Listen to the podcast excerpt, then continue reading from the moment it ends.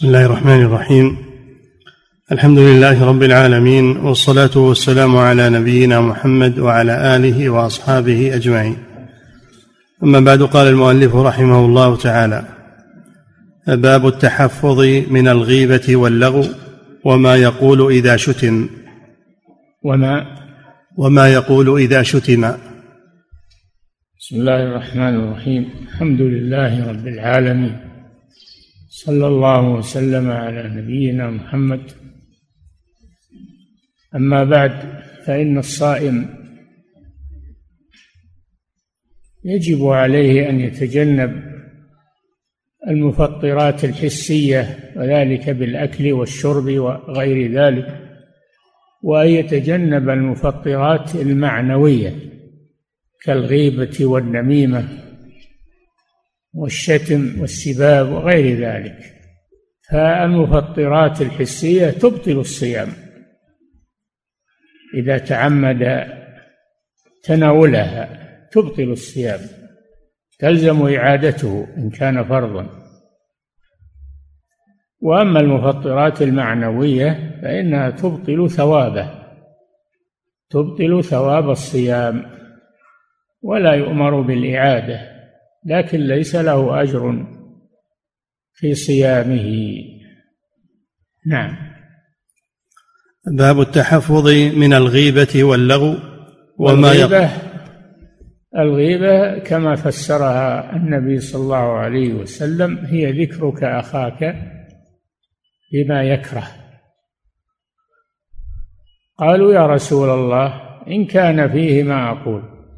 قال إن كان فيه ما تقول فقد اغتبته وإن لم يكن فيه ما تقول فقد بهته يعني كذبت عليه. فالغائب لا يتكلم عنه بشيء إلا في مسائل المرافعات.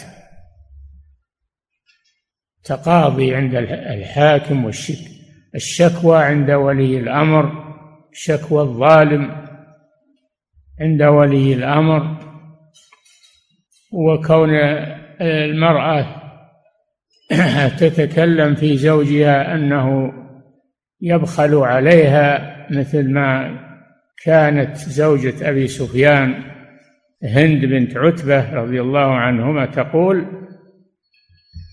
إن أبا سفيان رجل شحيح لا يعطيني ما يكفيني وولدي. الرسول قال خذي ما يكفيك وولدك بالمعروف. ولم يقل لها أنت تكلمت فيه لأن المشتكي له أن يقول فلان ظلمني فلان لأنه لا يتوصل إلى حقه إلا بذلك. وكذلك الرجل الحسبة الذي يتتبع الناس لأجل إزالة المنكرات فيقول إن فلانا فعل كذا وفعل من أجل أن أن يردع عن ذلك. من أجل أن يردع عن عن معاصيه. وليس المقصود اغتيابه وإنما المقصود التوصل إلى منعه من المنكر. فهذا لا بأس به. وليس من الغيبة المذمومة. نعم. باب التحفظ من الغيبة واللغو وما يقول إذا شتم. الغيبة عرفناها. قال الله جل وعلا ولا يغتب بعضكم بعضا فسرها النبي صلى الله عليه وسلم بأنها ذكرك أخاك بما يكره. واللغو هو الكلام الباطل. من سب وشتم وشهادة زور وغير ذلك سمي لغوا لأنه ملغى يعني باطل. اللغو هو الباطل. وإذا سمعوا اللغو أعرضوا عنه وقالوا لنا أعمالنا ولكم أعمالكم. سلام عليكم. لا نبتغي الجاهلين. سلام هذا ليس سلام تحية وإنما سلام متاركة. سلام متاركة. مثل قول إبراهيم لأبيه سلام, سلام عليك سأستغفر يعني سلام متاركة ما هو سلام سلام هجر ما هو سلام تحية. هذا هو اللغو. اللغو و وما يقول إذا شتم. وما يقول الصائم إذا شتم. يقول إني صائم. إذا شتمه أحد أو سابه أحد فيقول إني صائم. يعني ولولا الصيام لرددت عليك. وهذا وإن كان فيه إظهار للعمل لكن للحاجة دعت الحاجة إلى يعني ما يمنعني من الرد عليك إلا أنني صائم. نعم.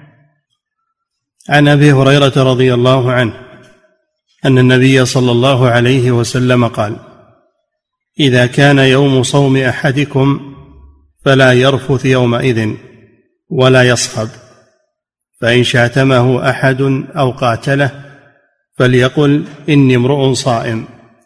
فلا يرفث الرفث هو الكلام الباطل والجماع ودواعيه. تكلم بالجماع ودواعي الجماع هذا من الرفث. من الرفث. فمن فرض فيهن الحج يعني أحرم فلا رفث ولا فسوق ولا جدال في الحج. والرفث هو ذكر الجماع ودواعيه والفسوق هو المعاصي والجدال هو المخاصمة. فالمحرم يمتنع من هذه الأشياء لأنها تخل بنسكه وكذلك الصائم تجنب اللغو الكلام الباطل ويتجنب الرفث والسباب والشتم ولا يرد على من سبه أو شاتمه بل يقول إني صائم. نعم. إذا كان يوم صوم أحدكم فلا يرفث يومئذ ولا يصخب. فلا يصخب الصخب هو رفع الصوت بالكلام الذي لا فائدة فيه. نعم. فإن شاتمه أحد أو قاتله فليقل إني امرؤ صائم. شاتمه أحد يعني شتمه ولعنه وما أشبه ذلك. أي شاتمه أحد أو قاتله. أو قاتله يعني ضاربه. المراد بالمقاتلة هنا المضاربة. وجد فيها رجلين يقتتلان يعني يتضاربان. نعم. فإن شاتمه أحد أو قاتله فليقل إني امرؤ صائم. نعم. والذي امرؤ صائم مع أن المطلوب أن الإنسان ما يذكر عمله ويسرح. لكن هو يذكره في هذا الموطن ليبين أنه لولا الصيام لرد على خصمه. نعم. والذي نفس محمد بيده لخلوف فم الصائم أطيب عند الله من ريح المسك. والذي نفس محمد هذا قسم من الرسول صلى الله عليه وسلم وهو الصادق المصدوق. أراد به التأكيد على ما سيقوله. لخلوف فم الصائم خلوف هو الرائحة التي تخرج من فم الصائم وهي رائحة كريهة بسبب خلو المعدة من الطعام. تخرج منه رائحة إذا خلت معدته بالصيام تخرج منه رائحة مكروهة عند الناس لكنها محبوبة عند الله وهي أطيب عند الله من ريح المسك لأنها ناشئة عن طاعة الله. مثل الغبار في سبيل الله الغبار غير مرغوب فيه لكن في سبيل الله مرغوب فيه وهو ذريرة أهل الجنة كما في الحديث و فالغبار في سبيل الله والدم دم الشهيد محبوب عند الله لأنه ناشئ عن جهاد في سبيل الله. نعم. والذي نفس محمد بيده لخلوف فم الصائم أطيب عند الله من ريح المسك وللصائم فرحتان يفرحهما. إذا أفطر فرح بفطره وإذا لقي ربه فرح بصومه.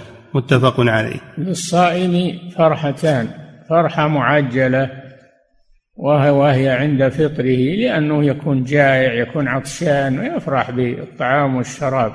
وهذا فرح طبيعي فرح طبيعي. لكن لما كان ناشئا عن طاعة الله صار محبوبا إلى الله عز وجل. هذه الفرحة الأولى. الفرحة الثانية وهي أعظم عند لقاء ربه. إذا لقي الصائم ربه ووجد جزاءه عنده فرح بذلك. أشد الفرح. نعم. وعن أبي هريرة رضي الله عنه قال قال رسول الله صلى الله عليه وسلم من لم يدع قول الزور والعمل به فليس لله حاجة في أن يدع طعامه وشرابه. رواه الجماعة إلا مسلما والنسائي.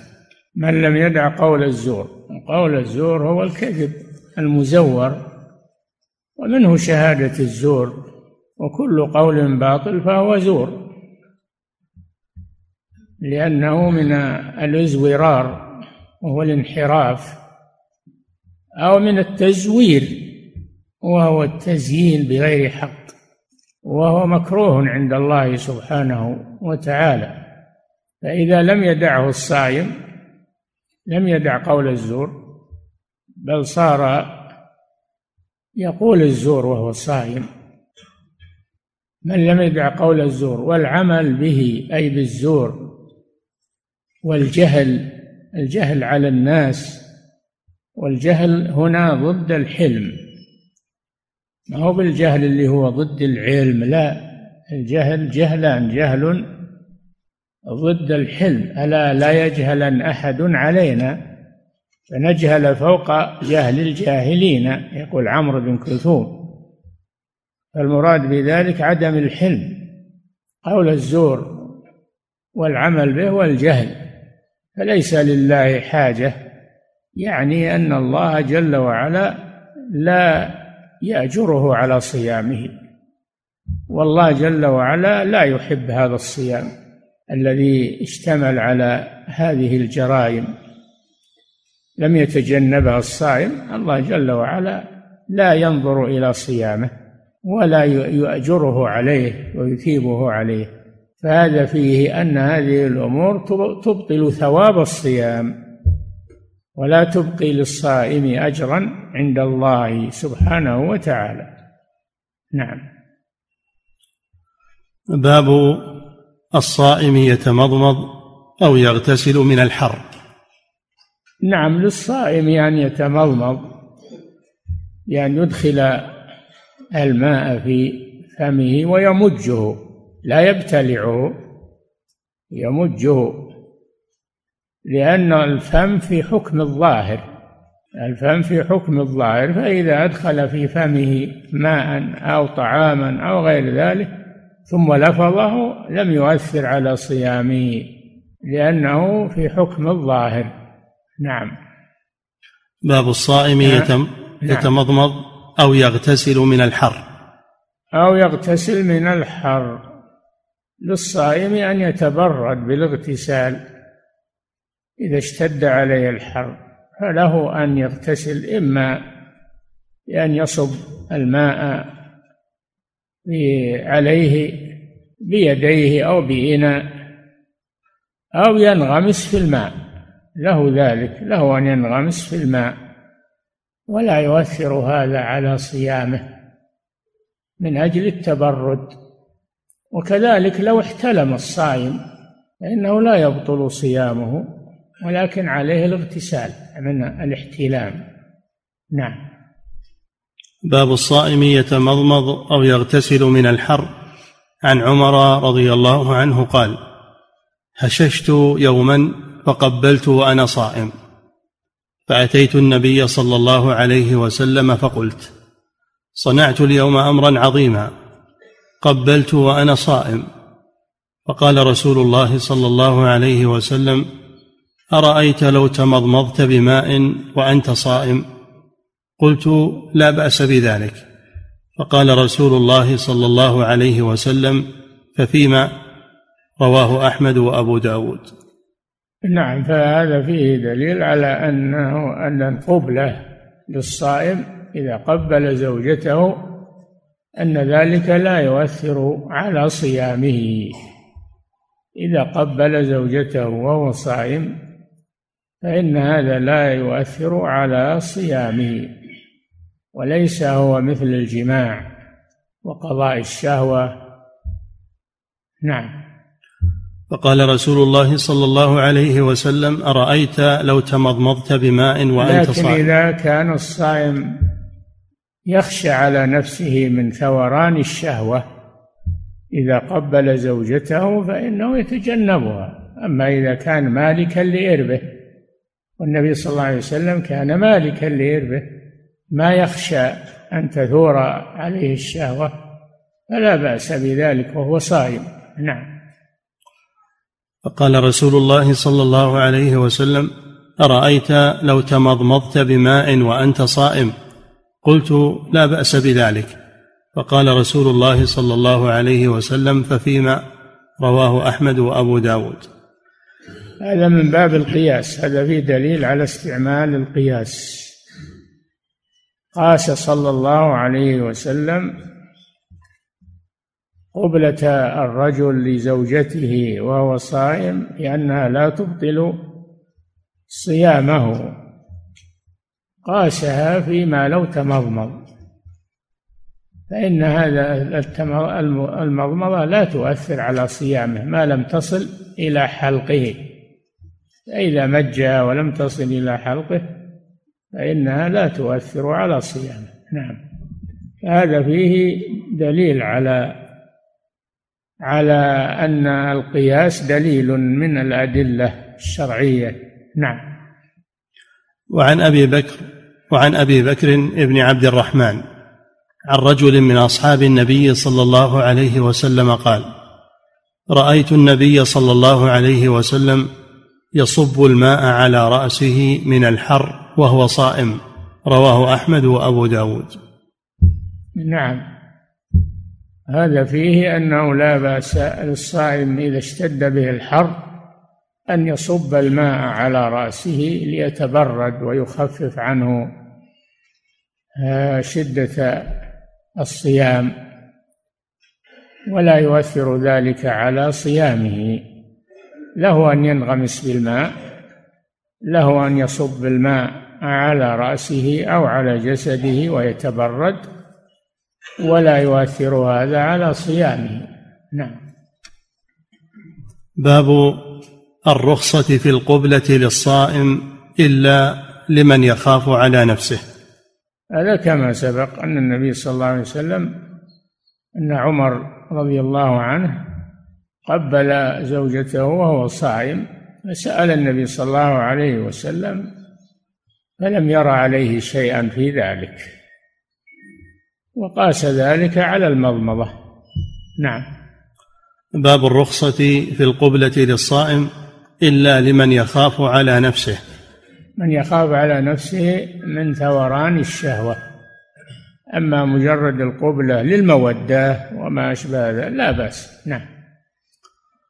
عن أم سلمة رضي الله عنها أن النبي صلى الله عليه وسلم كان يقبلها وهو صائم متفق عليه.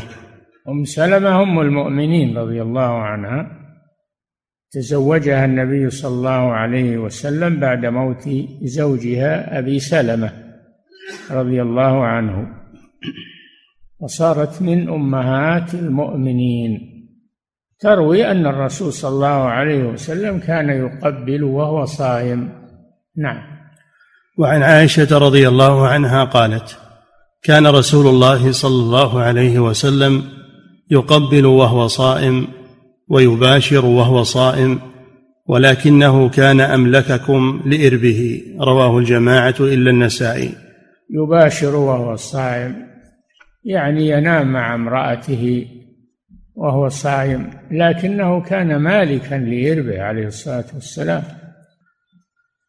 أما من لا يكون مالكا لإربه بأن تثور شهوته أو تضعف نفسه فإنه يتجنب هذه الوسائل. نعم. رواه الجماعة إلا النسائي وفي لفظ كان يقبل في رمضان وهو صائم رواه أحمد ومسلم. رواه الجماعة يعني السبعة الجماعة السبعة أصحاب السنن الأربع والصحيحان ومسند الإمام أحمد. هؤلاء هم الجماعة والكتب هذه هي السبعة. نعم. رواه الجماعة إلا النسائي وفي لفظ كان يقبل في رمضان وهو صائم رواه أحمد ومسلم. وعن كان صلى الله عليه وسلم يقبل في رمضان وهو صائم لأنه لا يخشى على نفسه أن تغلبه شهوته ولا يؤثر هذا على صيامه. لكن اللي يخشى على نفسه أو الشاب أو هذا لا لا يتجنب هذه الوسائل. نعم. وعن عمر ابن أبي سلمة رضي الله عنه أنه سأل رسول الله صلى الله عليه وسلم أيقبل الصائم؟ فقال له سل هذه لأم سلمة. فأخبرته أن رسول الله صلى الله عليه وسلم يفعل ذلك. فقال عمر ابن أبي سلمة. هذا أمه أم سلمة زوج النبي صلى الله عليه وسلم. وأبوه أبو سلمة رضي الله عنه. توفي أبوه وهو صغير. فتزوج النبي صلى الله عليه وسلم أمه وكفل ابنها عمر فصار في حجر النبي صلى الله عليه وسلم. وسأل النبي صلى الله عليه وسلم عن القبلة للصائم وأمره أن يسأل أمه فأخبرته أمه أن النبي صلى الله عليه وسلم كان يقبل وهو صائم. نعم. فأخبرته أن رسول الله صلى الله عليه وسلم يفعل ذلك فقال يا رسول الله قد غفر الله لك ما تقدم من ذنبك وما تأخر. فقال له أما والله إني لأتقاكم لله وأخشاكم له. رواه مسلم.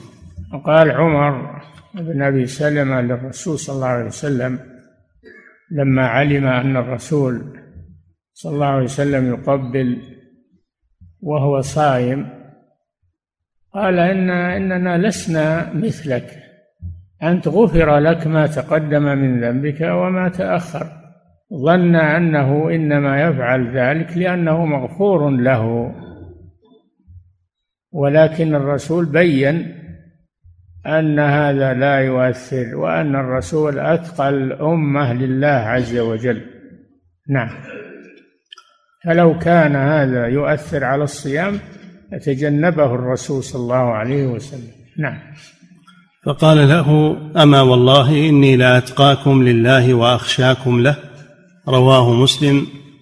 وفيه أن أفعاله صلى الله عليه وسلم حجة.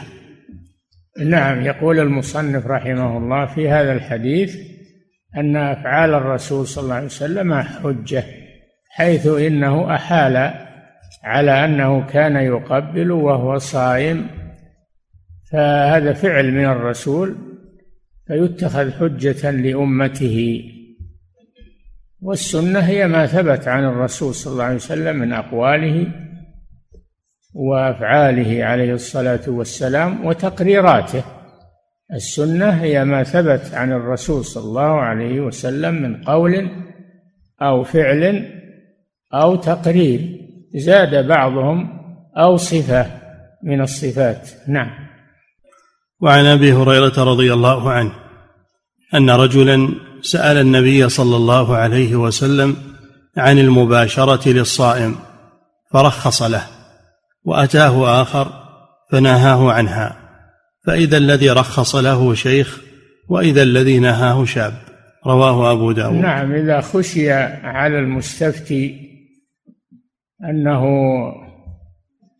أنه يستغل الفتوى في غير موضعها فإنه لا يفتى. الرسول إنما رخص للشيخ يعني الكبير ولم يرخص للشاب خشية عليه من أن تثور شهوته. نعم. فالمفتي ينظر في السائل ولا يفتيه على طول. بل ينظر في حاله و وينظر في آه، تقواه وورعه ثم يفتيه. الناس ما هم سواء. نعم. باب من أصبح جنوبا وهو صائم. نعم لا يؤثر هذا. إذا أدركه الفجر وعليه جنابة ولم يغتسل فإنه يتسحر ويصوم ينوي الصيام وهو جنب لا بأس بذلك. ما يشترط الطهارة للصيام يعني لنية الصيام ما تشترط.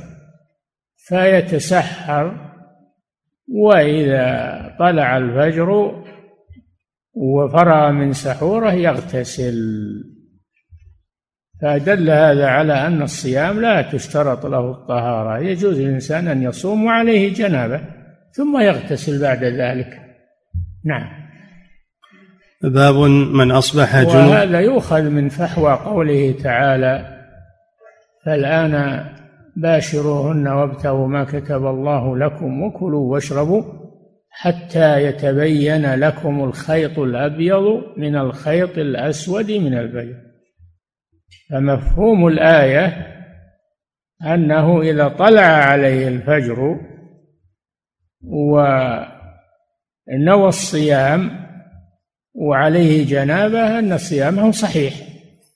باشروهن وابتغوا ما كتب الله لكم وكلوا واشربوا حتى يتبين لكم الخير يعني حتى يطلع الفجر واضحا. فيجوز للإنسان أن يصبح وهو جنب ويصوم وهو جنب ثم يغتسل. نعم. باب من أصبح جنبا وهو صائم.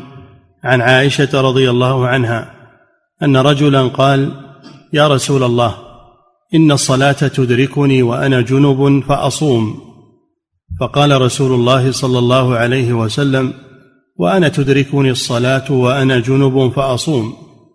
فقال لست مثلنا يا رسول الله قد غفر الله لك ما تقدم من ذنبك وما تأخر. فقال والله إني لأرجو أن أكون أخشاكم له وأعلمكم بما أتقي. رواه أحمد ومسلم وأبو داود.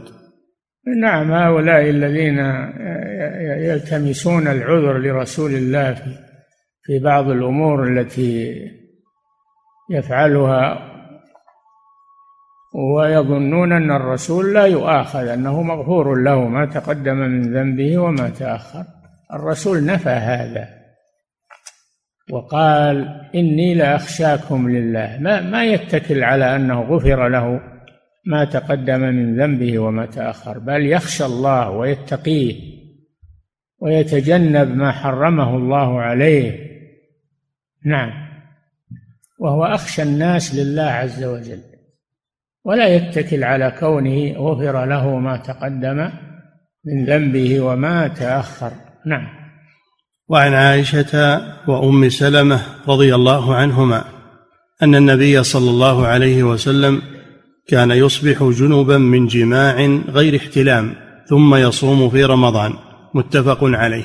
نعم كما سبق أنه يجوز للجنب أن يتسحر وينوي الصيام ولو طلع عليه الفجر وهو جنب لا بأس ثم يغتسل للصلاة بعد الفجر. بعد طلوع الفجر. نعم.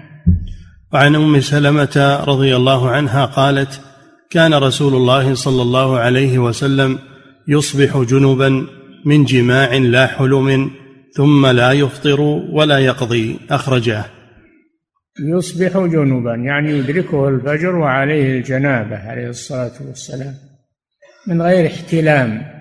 والاحتلام هو أن يرى الإنسان نفسه يجامع وهو نائم هذا هو الاحتلام. فهو يصبح جنبا من غير احتلام وإنما عن جماع في اليقظة. دل على أن في الأمر سعة ولله الحمد. نعم. باب كفارة من أفسد صوم رمضان بالجماع.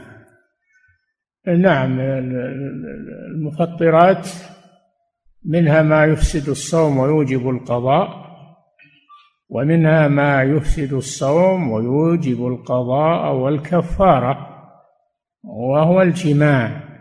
يفسد الصيام ويوجب القضاء ويوجب الكفارة. نعم. باب كفارة من أفسد صوم رمضان بالجماع. عن أبي هريرة رضي الله عنه قال جاء رجل إلى النبي صلى الله عليه وسلم فقال هلكت يا رسول الله. قال وما أهلكك؟ قال وقعت على امرأتي في رمضان. قال هل تجد ما تعتق رقبة؟ قال لا. قال فهل تستطيع أن تصوم شهرين متتابعين؟ قال لا. قال فهل تجد ما تطعم ستين مسكينا؟ قال لا. قال ثم جلس. فأتي النبي صلى الله عليه وسلم بعرق عرق عرق.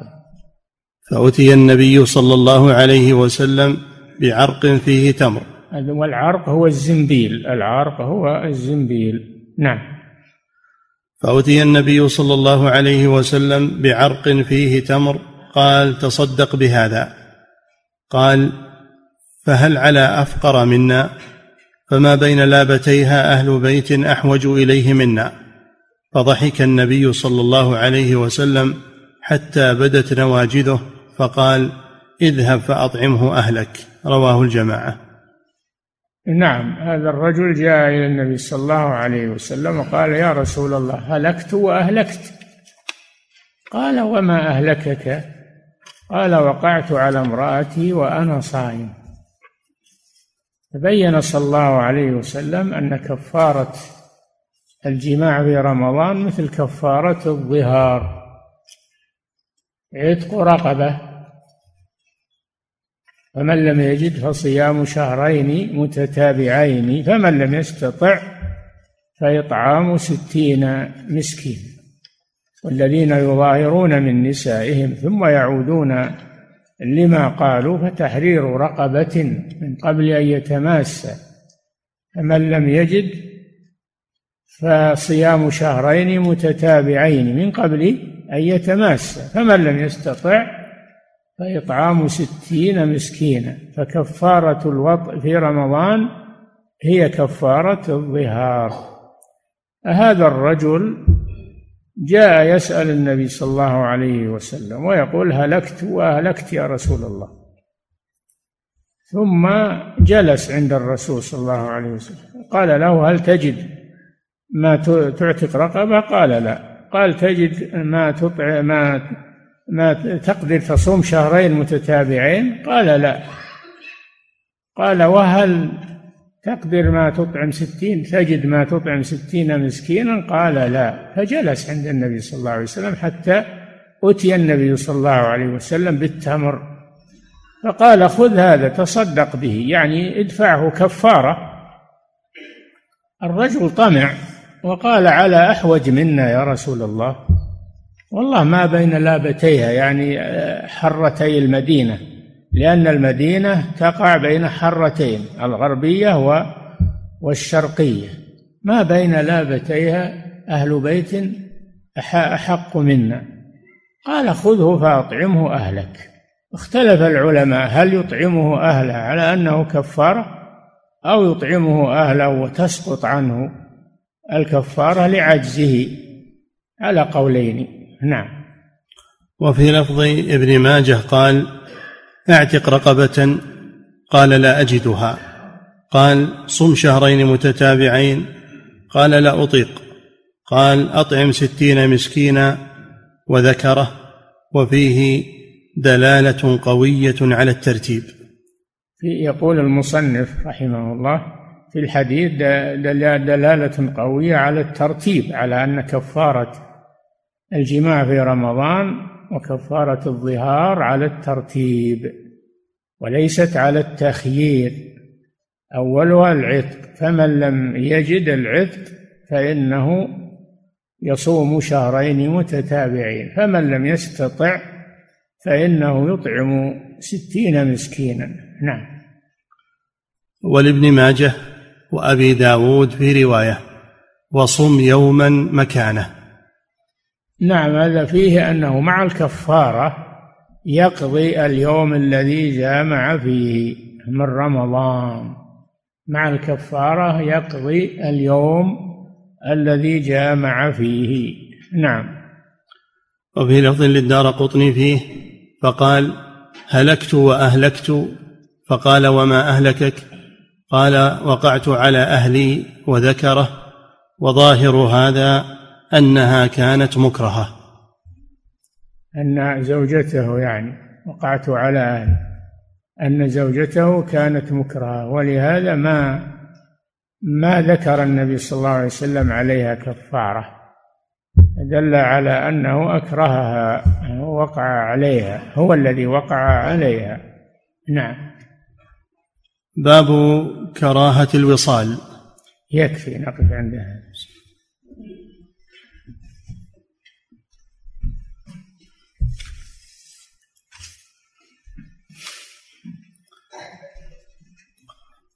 فضيلة الشيخ وفقكم الله.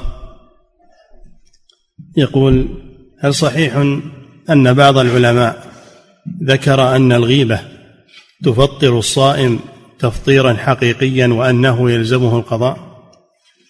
لا أعلم من قال بهذا. اللهم إن كان بعض المتعالمين العصريين الله أعلم. إلا ما أعلم أن أن فيه من قال إن الغيبة إنها توجب الكفارة نعم.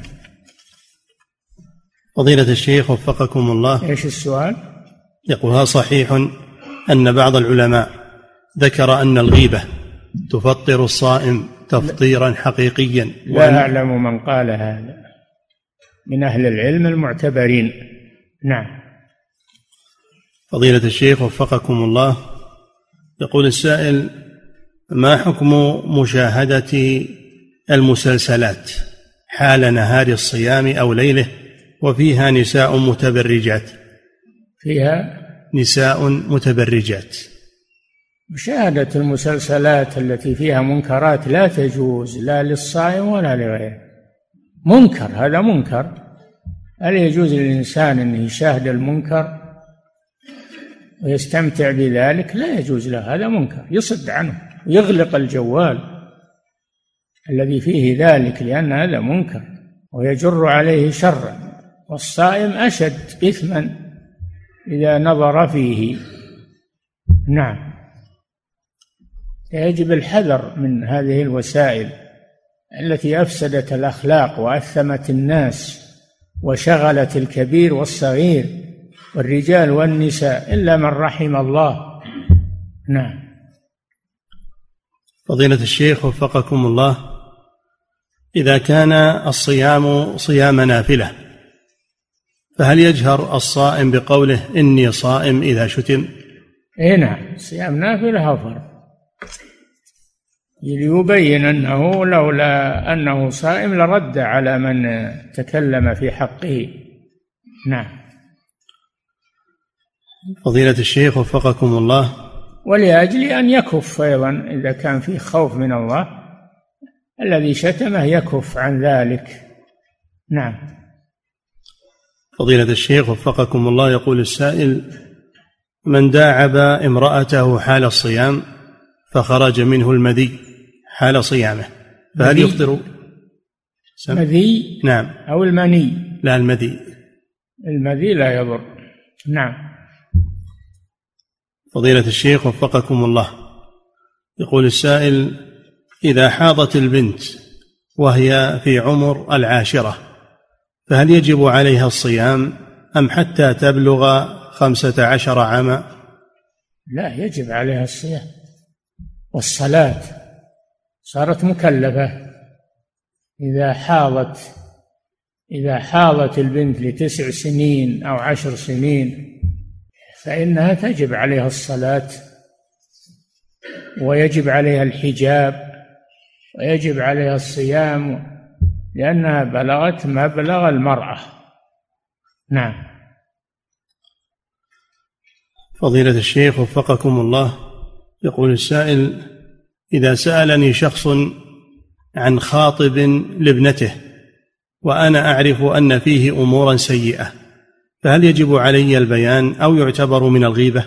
لا هذه استشارة.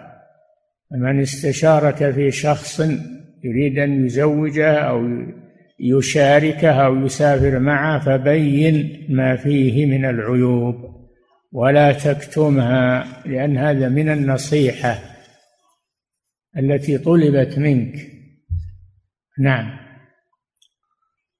فضيلة الشيخ وفقكم الله وهذا سؤال قريب منه يقول بعض أئمة المساجد عندما يأتي شخص ليسألهم عن خاطب لابنتهم والإمام يعرف أنه لا يشهد الصلاة معهم فهل يجب على الإمام أن يبين ذلك مع خشيته من غضب أهل هذا المسؤول عنه؟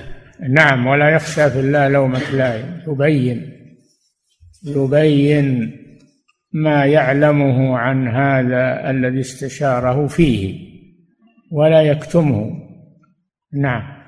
فضيلة الشيخ وفقكم الله يقول السائل كثير من الناس إذا ذكروا شيئا مذموما عن أحد وذكرناهم بشؤم الغيبة ردوا علينا بقولهم إني قد ذكرت ذلك أمامه من قبل أو ليس لي مانع أن أقول أمامه الآن فهل هذا من الغيبة؟ إي نعم هذا من الغيبة هذا من الغيبة وأما قوله إني قلته أمامه إني أنا مستعد أقوله أمامه لا هذا ما يبيح الغيبة له ما دام غائب عن المجلس فلا تتكلم فيه. نعم. فضيلة الشيخ وفقكم الله يقول السائل المبتعثون للدراسة والذين لا يعلمون متى تنتهي دراستهم بالتحديد هل يعتبرون في حكم المسافر فيباح لهم الفطر في رمضان؟ لا. المسافر إذا نوى إقامة تزيد على تزيد على أربعة أيام فإنه يلزمه الصيام. والطلاب نووا الإقامة مدة الدراسة فلا يجوز لهم القصر ولا الجمع ولا الإفطار يعتبرون مقيمين. وانقطع السفر بإقامتهم هذه نعم. فضيلة الشيخ وفقكم الله يقول السائل ما الأفضل للمسافر في رمضان؟ إذا كان سفره أربعة أيام فأقل. يقول ما الأفضل للمسافر في رمضان؟ إذا كان سفره أقل من أربعة أيام أن يصوم أو أو يفطر ويقضي؟ يخير المسافر مسافة قصر ثمانين كيلو فأكثر يخير إن شاء صام في سفره وإن شاء أفطر. لكن إفطاره أفضل. الإفطار للمسافر أفضل من الصيام. والصيام يجزئه. عند الظاهرية ما يجزئه. لو صام المسافر يقولون ما يجزئه. صيامه الواجب. نعم. فضيلة الشيخ وفقكم الله. يقول السائل صحيح أنه يكره استعمال السواك للصائم بعد الزوال؟ لا الصحيح أنه لا. هذه رواية في المذهب لكنها ضعيفة والصحيح أنه لا بأس للصائم أن يستاك في الغداة والعشي الصباح والمساء. نعم. فضيلة الشيخ وفقكم الله إنسان لا يستطيع الصيام لأنه مريض مرضا لا يرجى برؤه فأطعم مسكينا عن كل يوم واستمر على ذلك سنوات ثم شفاه الله. فهل يلزمه القضاء؟ لا. إذا زال العذر فإنه يصوم ولا يطعم. أما ما أطعمه وقت العذر فإنه يجزي والحمد لله. نعم. فضيلة الشيخ وفقكم الله. يقول السائل دواء الغرغرة في نهار رمضان هل يفطر الصائم؟ إذا وصل إلى حلقه وجد طعمه في حلقه يفطر. أما إذا لفظه ولم يجد له طعما في حلقه فإنه لا يضر. نعم. فضيلة الشيخ وفقكم الله يقول السائل هل يجوز للصائم أن يستعمل معطر الفم في نهار الصيام؟ لا بأس بذلك. نعم.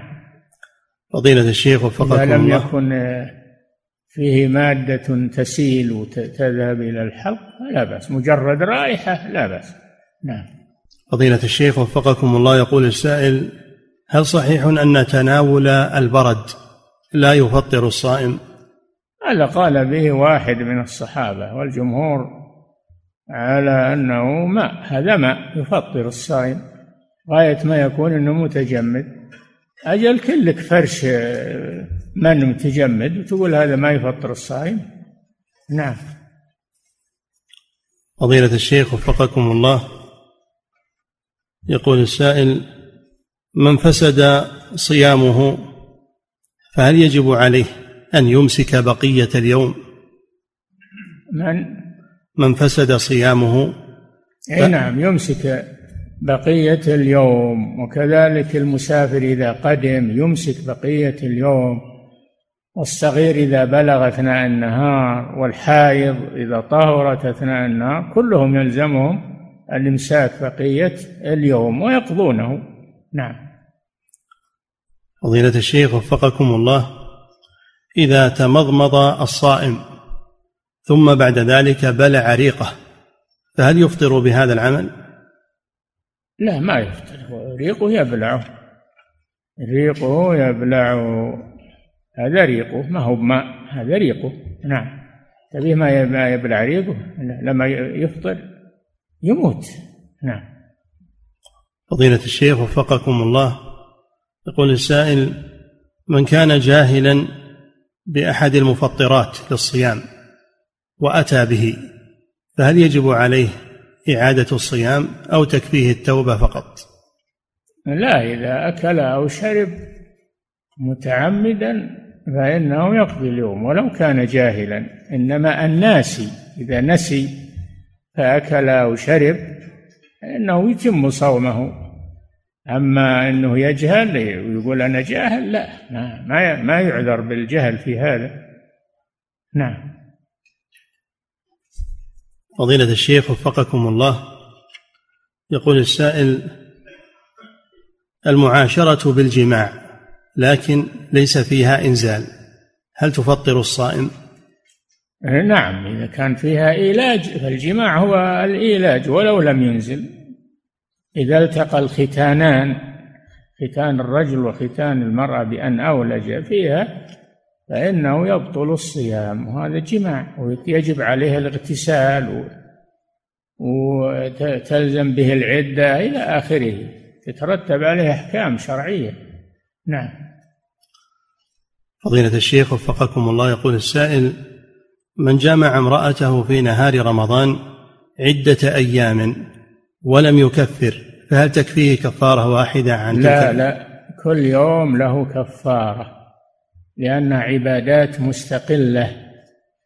لكن من جامع في اليوم الواحد عدة مرات تكفيه كفارة واحدة. جامع وكرر الجماع قبل أن يكفر تكفيه كفارة واحدة عن اليوم الواحد. أما في عدة أيام كل يوم له كفارة. نعم. فضيلة الشيخ وفقكم الله في قول الرسول صلى الله عليه وسلم للرجل هل تستطيع أن تصوم شهرين متتابعين؟ هل المراد أنه لا يشق عليه ذلك أو ما المراد بالاستطاعة؟ الاستطاعة معروفة ما يعجز يعني ما يعجز عن صيام عن الصيام. ما اللي يعجز عن الصيام هذا معذور. نعم. ما هو اللي يشق عليه اللي يعجز عن الصيام. نعم. فضيلة الشيخ وفقكم الله يقول السائل ما حكم استعمال الصائم لإبرة في العضل من أجل تخفيف الحرارة الشديدة عليه؟ لا بأس بذلك. الإبر في العضل لا بأس بها لأنها غير مغذية ولأنها لا تختلط بالدم وإنما هي تحت الجلد. فلا بأس. أما الإبر المغذية هذه مفطرة بالإجماع والإبر التي في الوريد وهي ليست مغذية هذه فيها خلاف. والراجح أنها تفطر أيضا لأنها لأنها تسري مع الدم وتتنقل في الجسم. نعم. فضيلة الشيخ وفقكم الله هذا سائل يقول إنه قد استعمل العادة السرية في نهار رمضان جاهلا بها. يقول ثم ندم واستغفر. فهل تكفيه التوبة أو لا بد من القضاء؟ إذا كان أنزل فعليه القضاء. إذا كان استعملها وأنزل بها فعليه القضاء لأن هذا جماع. نعم. فضيلة الشيخ وفقكم الله يقول السائل يقول إنه يشارك في مباريات عالمية في الجري وأحيانا توافق أياما من رمضان فهل يجوز له أن يفطر من أجل التقوي على هذه المسابقة؟ لا الإفطار إنما هو للمريض وللمسافر وهذا غير مريض وغير مسافر وإنما يريد الجري للرياضة لا ما ما يرخص له. بترك الصيام. نعم. فضيلة الشيخ وفقكم الله يقول السائل امرأة كبيرة في السن أصيبت بجلطة في الدماغ عافانا الله وإياكم ولم تتحسن حالتها منذ ثلاث سنوات وهي على هذا الحال. فما الذي يجب عليها من ناحية الصيام وهي لا تستطيعه؟ إذا كان معها الفكر ولكن ما تستطيع يطعم عنها عن كل يوم مسكينا. إذا كان ما عندها فكر ولا تدري فليس عليها شيء. نعم.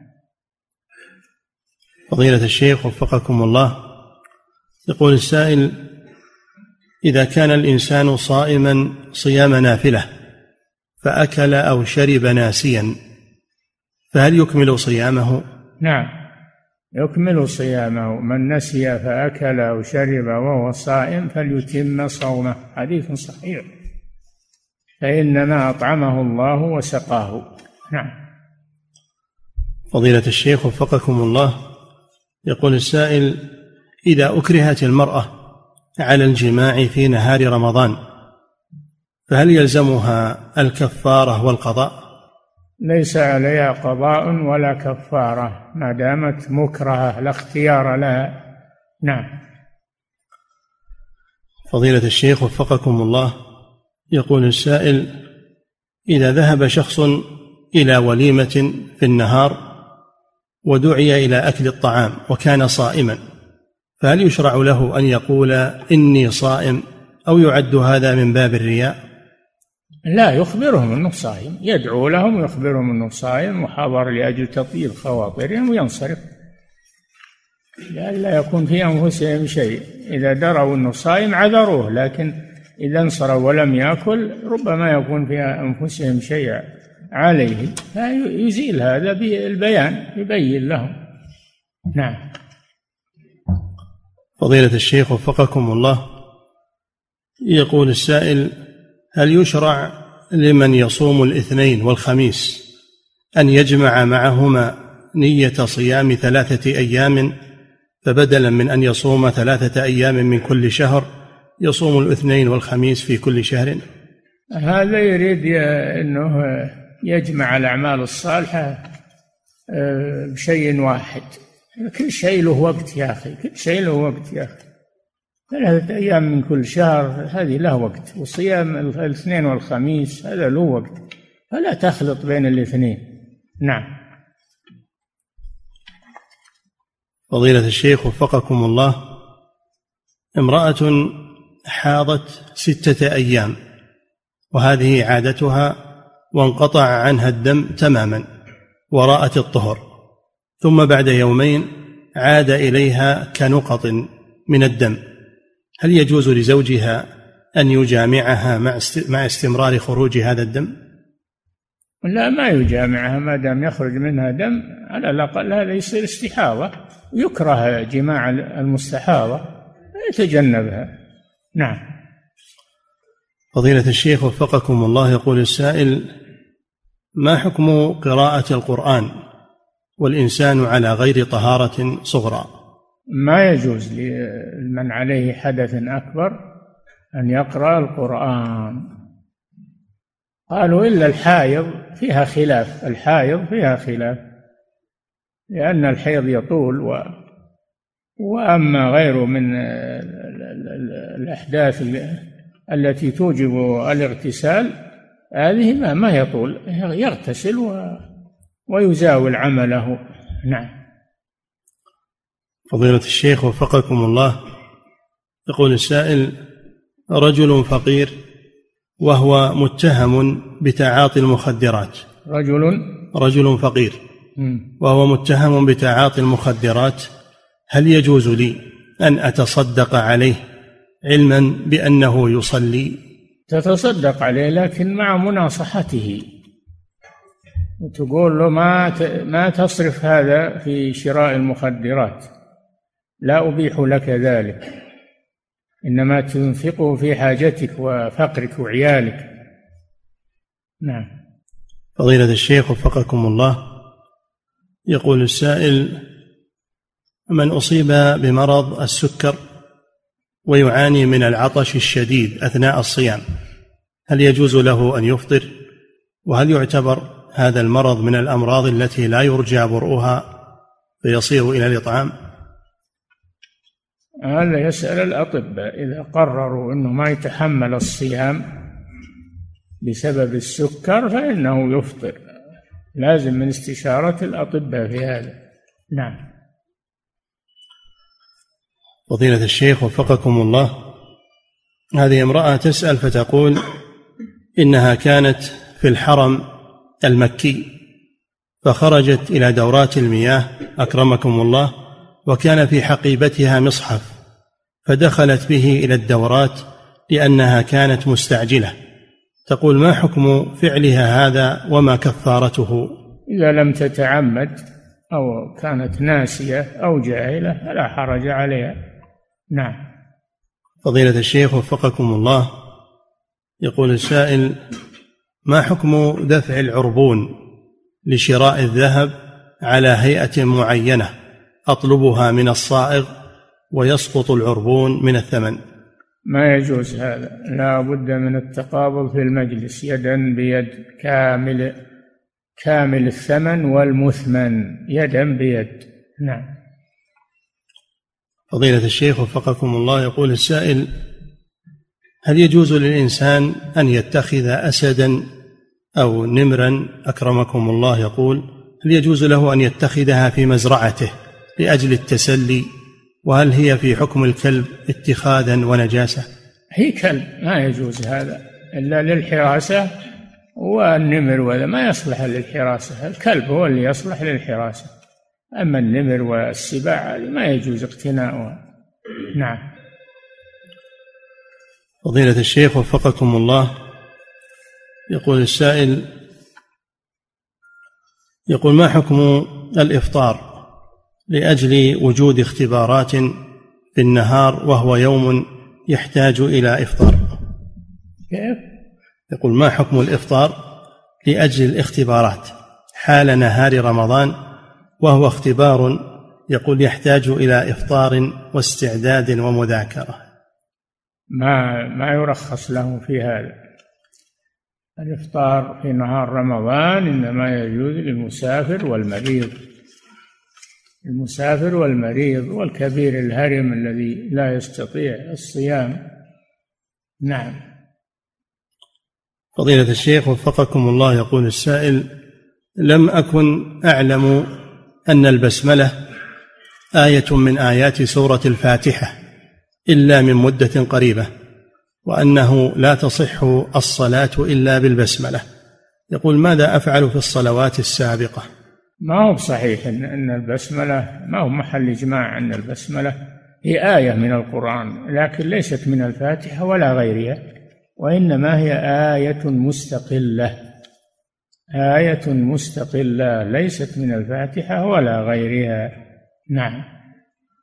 ولو قرأت الفاتحة ولم تأتي بالبسملة فصلاتك صحيحة. نعم. فضيلة الشيخ وفقكم الله يقول السائل الترتيب بين أعضاء الوضوء هل هو واجب أو سنة؟ ترتيب بين أعضاء الوضوء واجب. يغسل الوجه ثم اليدين ثم الرجلين ولا يخل بهذا الترتيب لأن هذا صفة وضوء الرسول صلى الله عليه وسلم. توضأ مرتبا وهو القدوة صلى الله عليه وسلم. نعم. فضيلة الشيخ وفقكم الله. يقول السائل ما حكم استخدام الإنسان للعطور التي يقال إن فيها كحولا وقد كثرت في هذه الأيام؟ يقال كلمة يقال ما يترتب عليها حكم شرعي. إذا ثبت أن فيها كحولا فلا يجوز استعمالها ولا بيعها ولا شراؤها يجب إراقتها لأنها خمر. أما مجرد الشائعات فلا يعمل بها والأصل الإباحة. نعم. فضيلة الشيخ وفقكم الله يقول السائل هل صحيح أنه يجوز للمرأة الحامل والمرضع الفطر في نهار رمضان؟ نعم إذا خافت على نفسها تفطر تقضي وإن خافت على جنينها أو رضيعها فإنها تفطر وتطعم. تقضي تقضي وتطعم. تقضي ما أفطرته وتطعم مع القضاء عن كل يوم مسكينا. نعم. أما إذا خافت على نفسها فإنها تفطر وتقضي فقط ولا إطعام عليها. نعم. فضيلة الشيخ وفقكم الله يقول السائل التحاميل التي تؤخذ عن طريق الدبر أعزكم الله هل هي مفطرة للصائم؟ والله هذه يحتاج إلى أن يسأل عنها الأطباء. هذه التحاميل وين تذهب؟ والظاهر أنها تذهب مع مسام الجسم تذهب مع مسام الجسم وتنتشر في الجسم اللي يظهر لي أنها مفطرة. لكن يحتاج إلى مراجعة الأطباء في حقيقتها نعم. فضيلة الشيخ وفقكم الله بالنسبة لصيام الكفارة كفارة الجماع في نهار رمضان أو كفارة؟ كفارة, كفارة الجماع في نهار رمضان أو الصيام بالنسبة لكفارة اليمين هل لا بد من أن ينوي من الليل؟ كل صوم واجب. شوف كل صوم واجب بالشرع أو بالكفارة أو أو بالنذر فإنه لا بد أن ينوى من الليل. وأما صوم التطوع فيصح بنية من النهار بشرط أن لا يكون أكل أو شرب بعد الفجر. نعم. فضيلة الشيخ وفقكم الله. يقول السائل هل صحيح أن الدعاء والإستغفار بين الأذان والإقامة خير من قراءة القرآن؟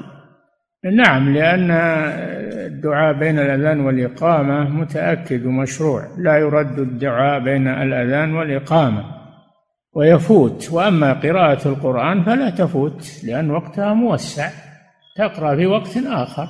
نعم. فضيلة الشيخ وفقكم الله. يقول هذا سائل من خارج هذه البلاد يقول عندنا إمام يقرأ البردة ويعلم أن فيها ألفاظا شركية ولما أرسلنا له كلام أهل العلم وكبار العلماء في هذه البلاد المباركة قال نحن في بلد غير السعودية. سؤاله هل يجوز أن يصلي يعني ولا يخاف الله إلا في السعودية ما يخاف الله في البلاد الأخرى. البردة شرك فيها شرك فلا يجوز قراءتها. نعم. ثم يقول حفظك الله هل يجوز لنا أن نصلي وراء هذا الإمام؟ لا. إذا كان يقرأ البردة ويجيزها فلا تصح صلاته وهو ما تصح.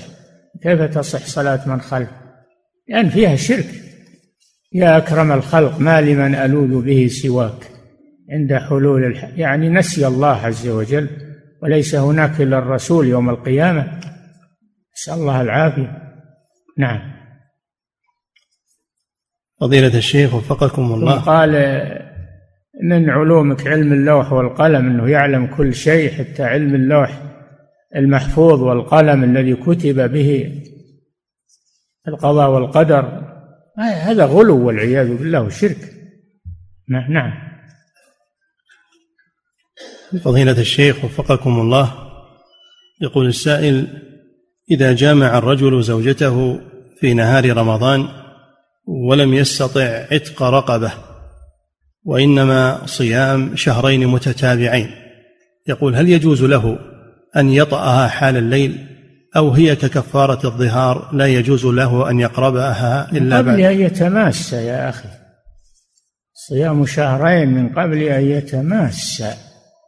لا يجوز له يجامعها وقت الكفارة ما يجامعها نعم حتى يصوم الكفارة نعم فضيلة الشيخ وفقكم الله يقول في يوم الجمعة يقوم بعض الوعاظ قبل الخطبة بإلقاء موعظة فهل هذا جائز؟ والخطبة وش قيمتها إذا؟ لا يقتصر على الخطبة يقتصر على الخطبة وش فاي... وش قيمة الخطبة إذا صار بيلقي قبلها موعظة ويلقي قبلها. نعم. فضيلة الشيخ وفقكم الله. هذا سائل من خارج هذه البلاد يقول لا يوجد في قريتي إلا مساجد لأهل البدعة. فهل يجوز لي أن أصلي معهم وأن أحضر خطب الجمعة معهم؟ ما ندري وش بدعتهم. هي بدعة شركية ولا بدعة دون ذلك؟ إذا كانت بدعتهم شركية فلا تصلي معهم وإذا كانت بدعتهم دون الشرك فصلي معهم مع مناصحتهم ولا تترك الجماعة. نعم. فضيلة الشيخ وفقكم الله يقول السائل هل يجوز تمني الموت؟ وكيف الجمع بين قوله صلى الله عليه وسلم فإن كان لا بد فليقل اللهم أحيني إن كانت الحياة خيرا لي وتوفني إذا كانت الوفاة خيرا لي. نعم هذا الذي ورد ما يتمنى الموت وإنما يقول هذا الدعاء الوارد عن الرسول صلى الله عليه وسلم. ولا يتمنى الموت لأنه ما يدري وش بعد الموت ربما يكون اللي بعد الموت أشد من حالته التي هو فيها. لا يتمنين أحدكم الموت لضر نزل به. يصبر الحمد لله. نعم. فضيلة الشيخ وفقكم الله هذا سائل يقول هل يجوز لي أن أقوم بالعمل في مجال توصيل النساء إلى الأسواق وغيرها؟ نعم يقول هل يجوز لي أن أقوم بالعمل في مجال توصيل النساء إلى الأسواق؟ وغيرها. إذا كانت مجموعة نساء ومتسترات وفي البلد ما في مانع.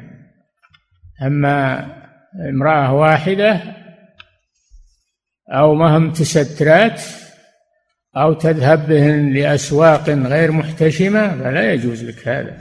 نعم. فضيلة الشيخ وفقكم الله يقول السائل هل يجوز للصائم أن يستعمل المعجون معجون الأسنان حال صيامه؟ نعم لكن يلفظ يتحفظ من أن يذهب إلى حلقه. يلفظه ويمجه. نعم. فضيلة الشيخ وفقكم الله يقول السائل هل صحيح أن استعمال البخور حال الصيام أنه يفطر الصائم؟ نعم إذا قصد شمه. دخل إلى أنفه بقصد فإنه يفطر الصائم لأنه يذهب إلى الدماغ ويقوي البدن. أما إذا جاء البخور وهو في المجلس ولا قصد شمه وإنما طار إليه فقط فلا فلا يؤثر هذا. نعم. فضيلة الشيخ وفقكم الله. يقول السائل هل يعد من باب الغيبة وصف الإنسان بشيء فيه كأن يقال فلان الأعرج أو فلان الأعمى. هذا ما هو غيبة. إذا ذكر الأعرج تمييزا بينه وبين غيره أو الأعمى. عبس وتولى أن جاءه الأعمى. ما في بأس. نعم إذا قصد يميز يميزه عن غيره. ما هو قصده أنه يذمه بذلك. نعم. فضيلة الشيخ وفقكم الله يقول السائل هل يجوز للإمام أن يقرأ جهرا في صلاة الظهر مثلا أحيانا؟ لا لكن بعض الأحيان الآية مثلا كانوا يسمعون الرسول صلى الله عليه وسلم يسمعون منه الآية. بعض الأحيان في الصلاة السرية. نعم.